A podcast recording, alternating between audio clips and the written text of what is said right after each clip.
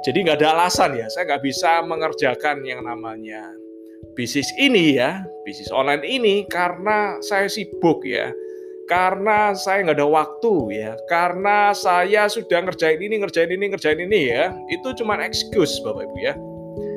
Jadi kalau misalnya pengusaha ya, entrepreneur itu kelebihan ya, kelebihan alasan kenapa kita bisa Bapak Ibu ya. Bukan kelebihan kelebihan alasan kenapa kita tidak bisa Bapak Ibu ya. Jadi itu cuman manajemen waktu aja ya. Manajemen waktu yang paling tinggi, manajemen waktu tertinggi apa? Adalah manajemen prioritas Bapak Ibu ya. Manajemen prioritas ya. Jadi bukan bukan tidak bukan tidak tidak punya waktu untuk mengerjakan, bukan tidak punya cukup waktu untuk mengerjakan, tetapi tidak mau memprioritaskan Bapak Ibu ya tidak mau memprioritaskan Bapak Ibu ya. Jadi kalau Bapak Ibu mau memprioritaskan ya kegiatan-kegiatan Bapak Ibu mau memprioritaskan bisnis ini Bapak Ibu ya. Hasil itu juga akan mengikuti dengan sendirinya Bapak Ibu ya.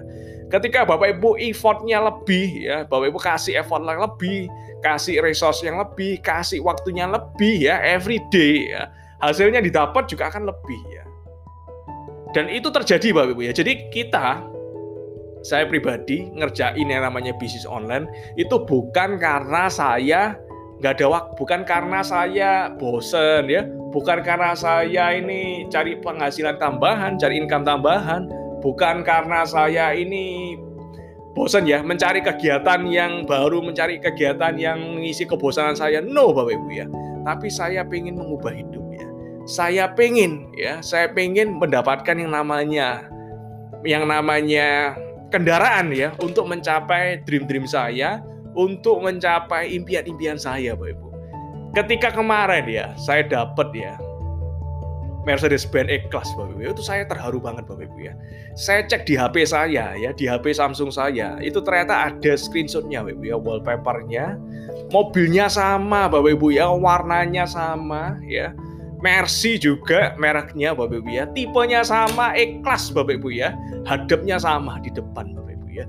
Jadi dan itu sudah ada beberapa tahun di HP saya Bapak Ibu ya. Jadi ketika Bapak Ibu berkomitmen, punya yang namanya impian, punya yang namanya dream ya, dan Bapak Ibu visualisasikan, dan yang penting adalah Bapak Ibu berjuang untuk itu. Tidak ada kata yang mustahil Bapak Ibu.